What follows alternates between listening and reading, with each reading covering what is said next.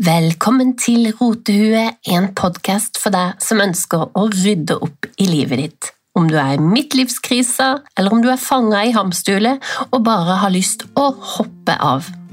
Her er siste episode i sesong to.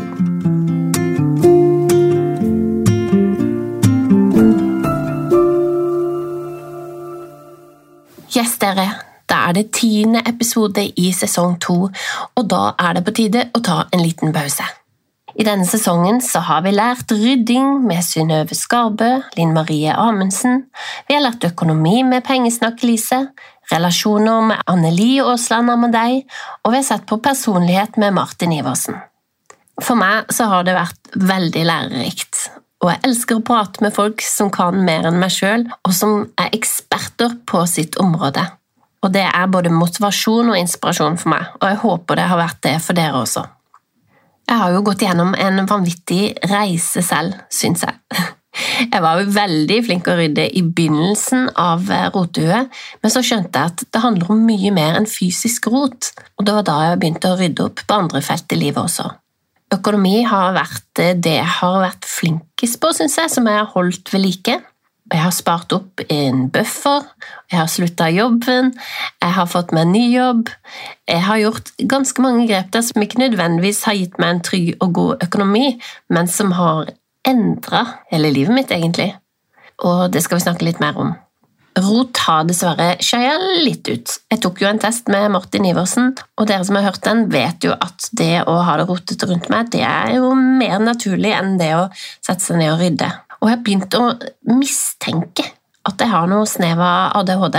Jeg får sånn hyperfokus på ting, og da kan jeg sette meg ned og skal begynne å rydde, men så ser jeg et eller annet, uh, annet gøy, og så sporer jeg av, og så begynner jeg med det istedenfor. Og så kan jeg sitte i mange timer med det uten å huske at jeg egentlig skulle rydde. Men for to dager siden så fikk jeg ryddeånden over meg igjen. Det er sikkert mange her sånn som meg, at plutselig en dag så våkner du opp, og så bare får du lyst å rydde og vaske. Da må du bare gjøre det. Da kjører du på til det er tomt og du ikke har lyst lenger. Og jeg hadde lyst i to dager. Det varte så lenge, og da er det ikke vits å sitte seg ned og spise mat eller begynne med noe annet, for da glemmer jeg jo at jeg skal rydde.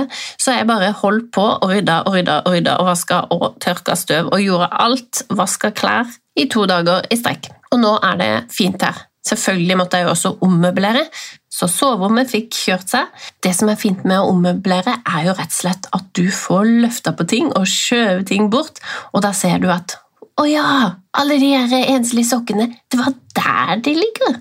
Alle plektrene, aha, og strikkene, og spennene. Der var de. Og så er det masse støv, og du får tørka støv og vaska godt. Så får du et nytt syn på tinga dine ah, den passa jo kjempegodt inn der, eller kanskje jeg skal flytte det teppet ned i stua.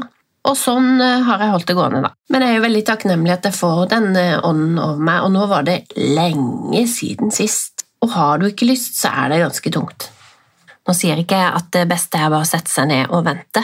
Jeg syns jo at det er lurt å sette en timer på fem eller ti minutter kanskje hver dag, og ta en liten opprydning jevnlig. Det mest drastiske valget jeg har tatt, er jo å slutte lærerjobben. Og nå er jeg inne i de siste ukene i oppsigelsestida mi. Jeg har faktisk bare planleggingsdager igjen denne uka, og da skal vi på tur. Og så er det rett og slett tre dager igjen, og da er jeg ferdig som lærer. Kanskje ikke for godt, men iallfall akkurat nå. Det beste med å være lærer er elevene. Men det er faktisk ganske tøft å være lærer også, og det er mange elever. Og det er ofte for lite voksentetthet.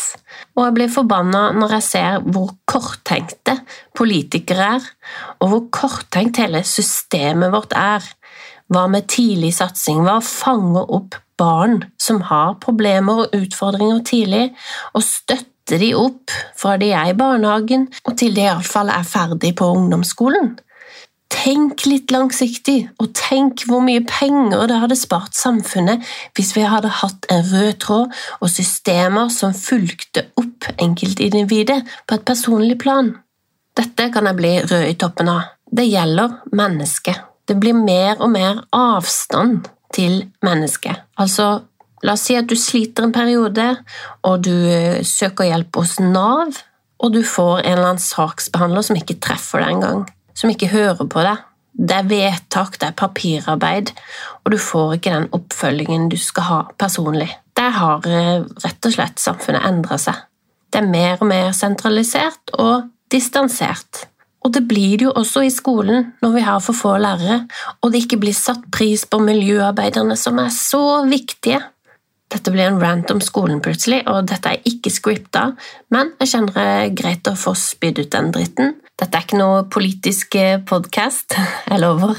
Men jeg blir frustrert når jeg ser at samfunnet ikke tenker helhet, og de ikke tenker i et større tidsperspektiv, og ser faktisk at ved å gjøre enkle grep og satse tidlig, så kan de fange opp mennesker som sliter og trenger støtte, og så vil samfunnet tjene på dette, både økonomisk og trygghetsmessig og og kom igjen, da. Bruk forskning. Det er bare å studere hvordan man skal drive skoler fra andre land som gjør det bedre enn oss, som Finland, som har tilgang på ulike tjenester på skolen. De sitter ikke et annet sted i en by og gjør vedtak. Ok, det er min podcast, og jeg kan si hva jeg vil. Det er litt deilig. Så rotehue, det handler jo også om å si fra det man syns er urett. Det handler om å finne seg sjøl og hvilke verdier man har, og faktisk tørre å si det høyt. Og spesielt når det gjelder noe som er urettferdig, og som rammer andre, så har jeg lyst til å si ifra. Og det gjør meg vondt å se at elever ikke får den støtten de trenger.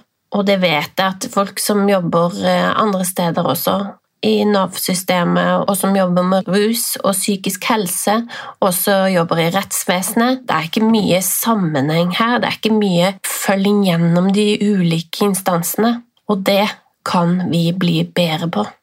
Og da fikk jeg jo poengtert akkurat det jeg snakka om i stad, at jeg kan gå inn, begynne i et spor, og så sporer jeg rett av, og nå sitter min sønn og gamer.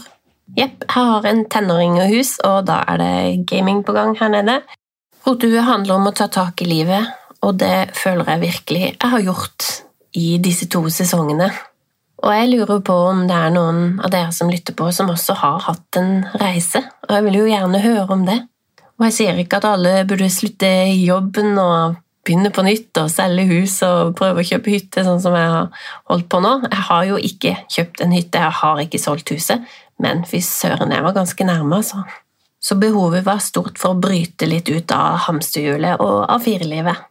Det er jo deilig å leve, og det er deilig å ha endring i livet, syns jeg.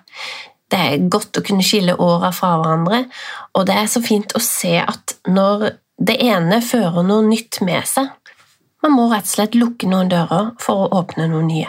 Det siste jeg vil si til deg før vi tar en liten pause, er Kjenn på hva dine drømmer er.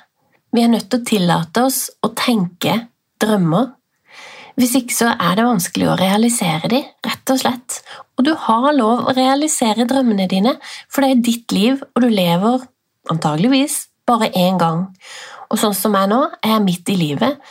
Hva er det jeg venter på? Jeg kan ikke drive og vente til eh, jeg blir 50, 60, 70, 80 år. Hurra, nå er jeg pensjonist, nå skal jeg få drømmejobben. Nei, man må jo bare ta tak nå. Man kan ta små steg mot drømmen. Vil du skrive noe, ta opp pennen. Vil du trene, ta på joggeskoa. Gjør en liten ting som tar deg ett skritt nærmere drømmen din. Og noen ganger må du faktisk tørre å kjenne på den der utryggheten, og ikke høre på alle de stemmene som sier nei, nei, nei, nei, nå er du på utrygg grunn, nå må vi komme oss tilbake til trygge, vante greiene. Det er en forsvarsmekanisme, for kroppen vil bare ha deg i en trygg havn. Vi er skapt til å bare gjøre det som er kjent, og det kjente er ikke nødvendigvis det som er best for oss. Tør å tenke drømmer, tør å tenke endring, og tør å stole litt på deg sjøl man må ikke følge strømmen, man må ikke bare høre på alle rundt deg, for de vil også at du skal være på samme sted. For det gjør at de også føler seg trygge, så det er viktig å ha de vennene som faktisk backer deg. Men lag en oversikt for deg selv. Hva er det jeg egentlig vil, og hva er det jeg gjør? Har det en sammenheng? Og med det så vil jeg bare ønske deg en god dag videre, en fin uke videre, Gå inn på Instagram og Facebook og følg med der. Legg gjerne igjen en kommentar, eller send en melding til meg om hva du har lyst til å høre om i sesong tre. Vi høres!